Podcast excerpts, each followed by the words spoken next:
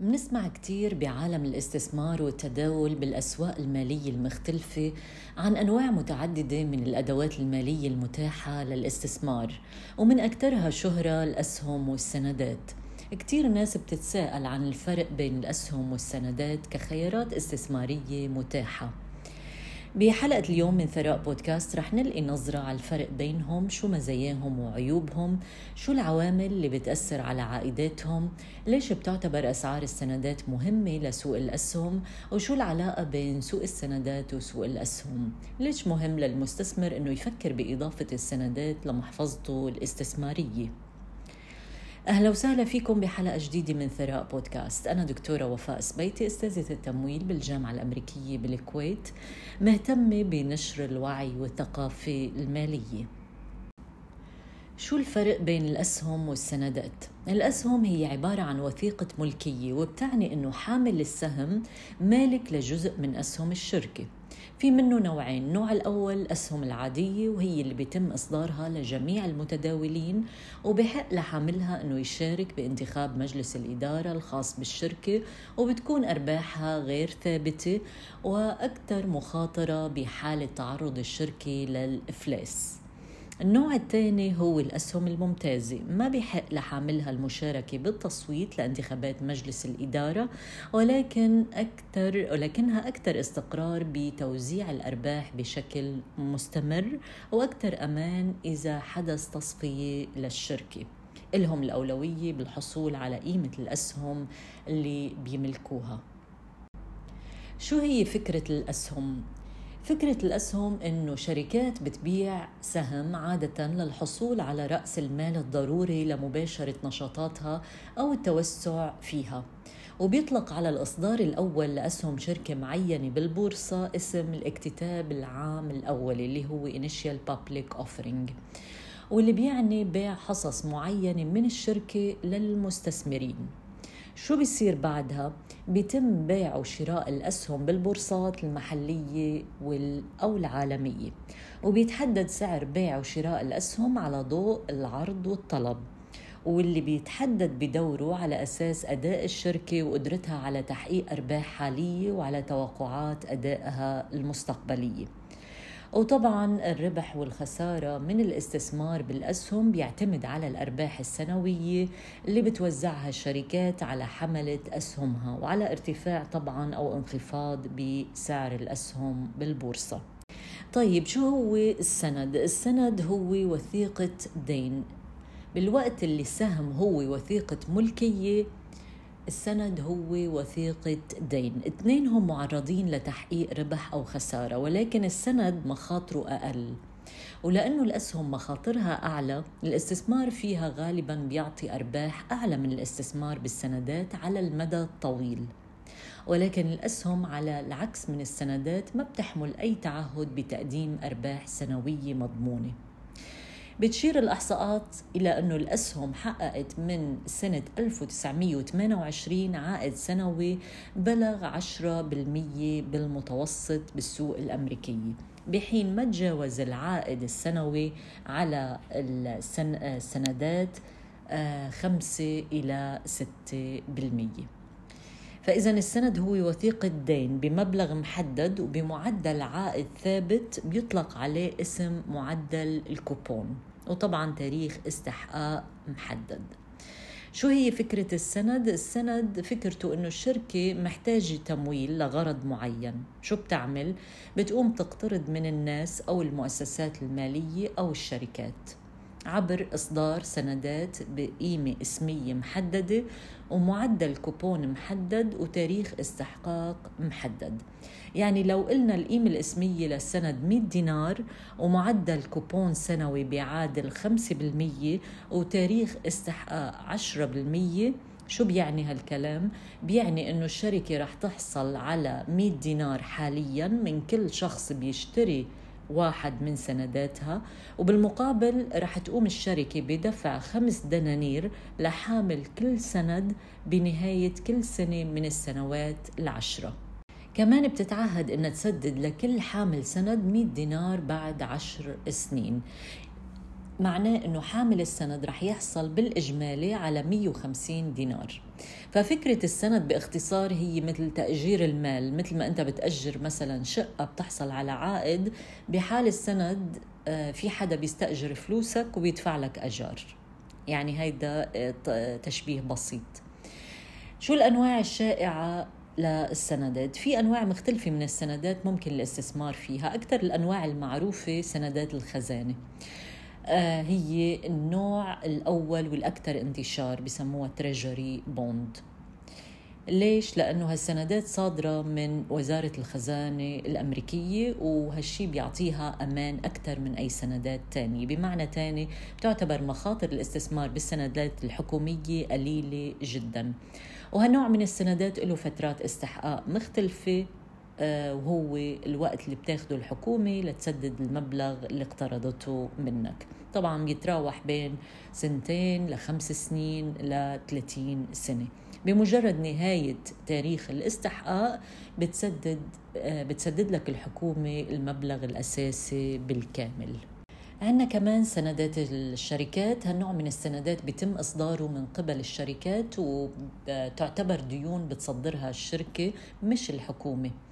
آه، ممكن لهالشركات إنها تقترض الأموال للدخول بمشاريع معينة بدل من إنها تجمع الأموال من خلال الاسهم وبتميل عوائد سندات الشركات إلا إنها تكون أعلى من العوائد على سندات الخزانة لأنها معرضة للمخاطر بشكل أكبر ومش مدعومة من الحكومة. عندنا كمان سندات البلدية. سندات البلدية هي ديون بتصدرها الحكومات المحلية بأمريكا واللي بتجمع الأموال لتمويل مشروع معين مثل بناء طرق بناء حدائق مستشفيات مدارس وغيرها من المشاريع.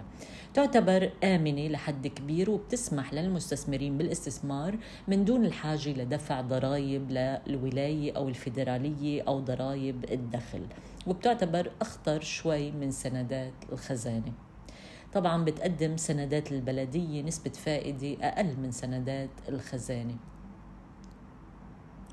كيف تصنف السندات؟ السندات تصنف على حسب فترة الاستحقاق. في عندي سندات قصيرة الأجل آه، اللي بتقل عن خمس سنين متوسطة الأجل بتمتد لعشر سنين وطويلة الأجل ممكن يوصل آه، أو توصل مدة الاستثمار لأكثر من عشر سنين. تصنف السندات على آه، فإذا تصنف السندات على حسب تاريخ الاستحقاق. كمان تصنف على آه، أساس قابلية الاستحقاق. ممكن استرداد بعض أنواع السندات قبل الموعد المحدد للاستحقاق حسب الشروط المتفق عليها مسبقا بالعقد بين الشركة والمستثمر.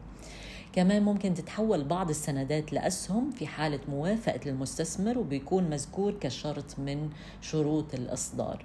كمان تصنف السندات على آه، أساس العائد. عندي سندات إلها عائد دوري مستمر وبيكون ثابت وفي نوع تاني متغير. في عندي سندات ما إلها عائد أبدا وبهالحالة بيتم إصدارها بسعر أقل من قيمتها الإسمية. يعني بيحصل حاملها على القيمة الإسمية عند وقت الاستحقاق. مثلا أنت كمستثمر ممكن تدفع 700 دولار وما يكون في عوائد خلال فترة الاستحقاق. يعني لما تشتري السند تدفع 700 دولار وهو قيمته الاسمية 1000 دولار. بنهاية الفترة ممكن بعد خمس سنين ترجع لك الشركة المبلغ اللي هو 1000 دولار اللي هو القيمة الاسمية وانت هون بتكون حققت عائد 300 آه، دولار. كمان ممكن تصنف على حسب الضمان. السندات المضمونة هي اللي بيتم إصدارها من خلال رهن أصول محددة ومعروفة مقابل طرحها مثلا أصول عينية مثل أراضي أو مباني. ليش مهم للمستثمر أنه يفكر بإضافة السندات لمحفظته الاستثمارية؟ سوق السندات بيعتبر أكثر أمان مقارنة بسوق الأسهم. بيعتبر شراء الديون من الحكومة الأمريكية مثلا أكثر أمان من شراء الأسهم من الشركات على الرغم من أنه آه، سندات فيها بعض المخاطر إلا أنها أقل خطورة من الأسهم.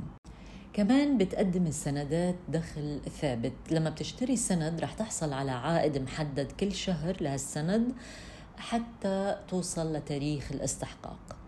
عندي إعفاءات ضريبية. إذا استثمرت مثلا بسندات الخزانة الأمريكية أو سندات البلدية ما رح تحتاج أنك تدفع ضرائب حكومية على العوائد اللي بتكسبها. على الرغم من إنه رح تحصل على عائد أعلى لما تستثمر بالأسهم السندات بتعتبر طريقة جيدة للحماية من المخاطر. كيف ممكن نشتري السند؟ غالبا من خلال وسيط خاصة بالنسبة للناس اللي عايشة برا الولايات المتحدة مثلا أو داخل الدولة اللي أنت عايش فيها ممكن تسأل البنك اللي بتتعامل معه عن أفضل طريقة لشراء السندات. ولكن بما أنه كلامنا بشكل عام عن السوق الأمريكي بالنسبة للأشخاص اللي عايشين بالولايات المتحدة وعندهم رقم ضمان اجتماعي بيقدروا يشتروا مباشرة من الجهة المصدرة. أو بالنسبة للأشخاص اللي عايشين برا الولايات المتحدة بيقدروا يشتروا من خلال وسيط آه، من خلال آه، صناديق المؤشرات المتداولة اللي بتعتبر مثل سلة سندات بتضم عدة شركات مختلفة من قطاع معين. أو من خلال صناديق مؤشرات السندات. صناديق مؤشرات السندات هي نوع تاني من الصناديق بدلا من أنه تكون سلة من السندات اللي بتركز على صناعة معينة بيتبع صندوق مؤشر السندات مؤشر معين. طبعا رسومها رح تكون منخفضة لأنه صناديق المؤشرات ما بتتطلب إدارة نشطة وبتعتبر خيار ممتاز للناس اللي ما عندها رغبة أنها تشرف على استثماراتها بنفسها. شو الاختلافات الرئيسية من حيث المخاطر بين الأسهم والسندات؟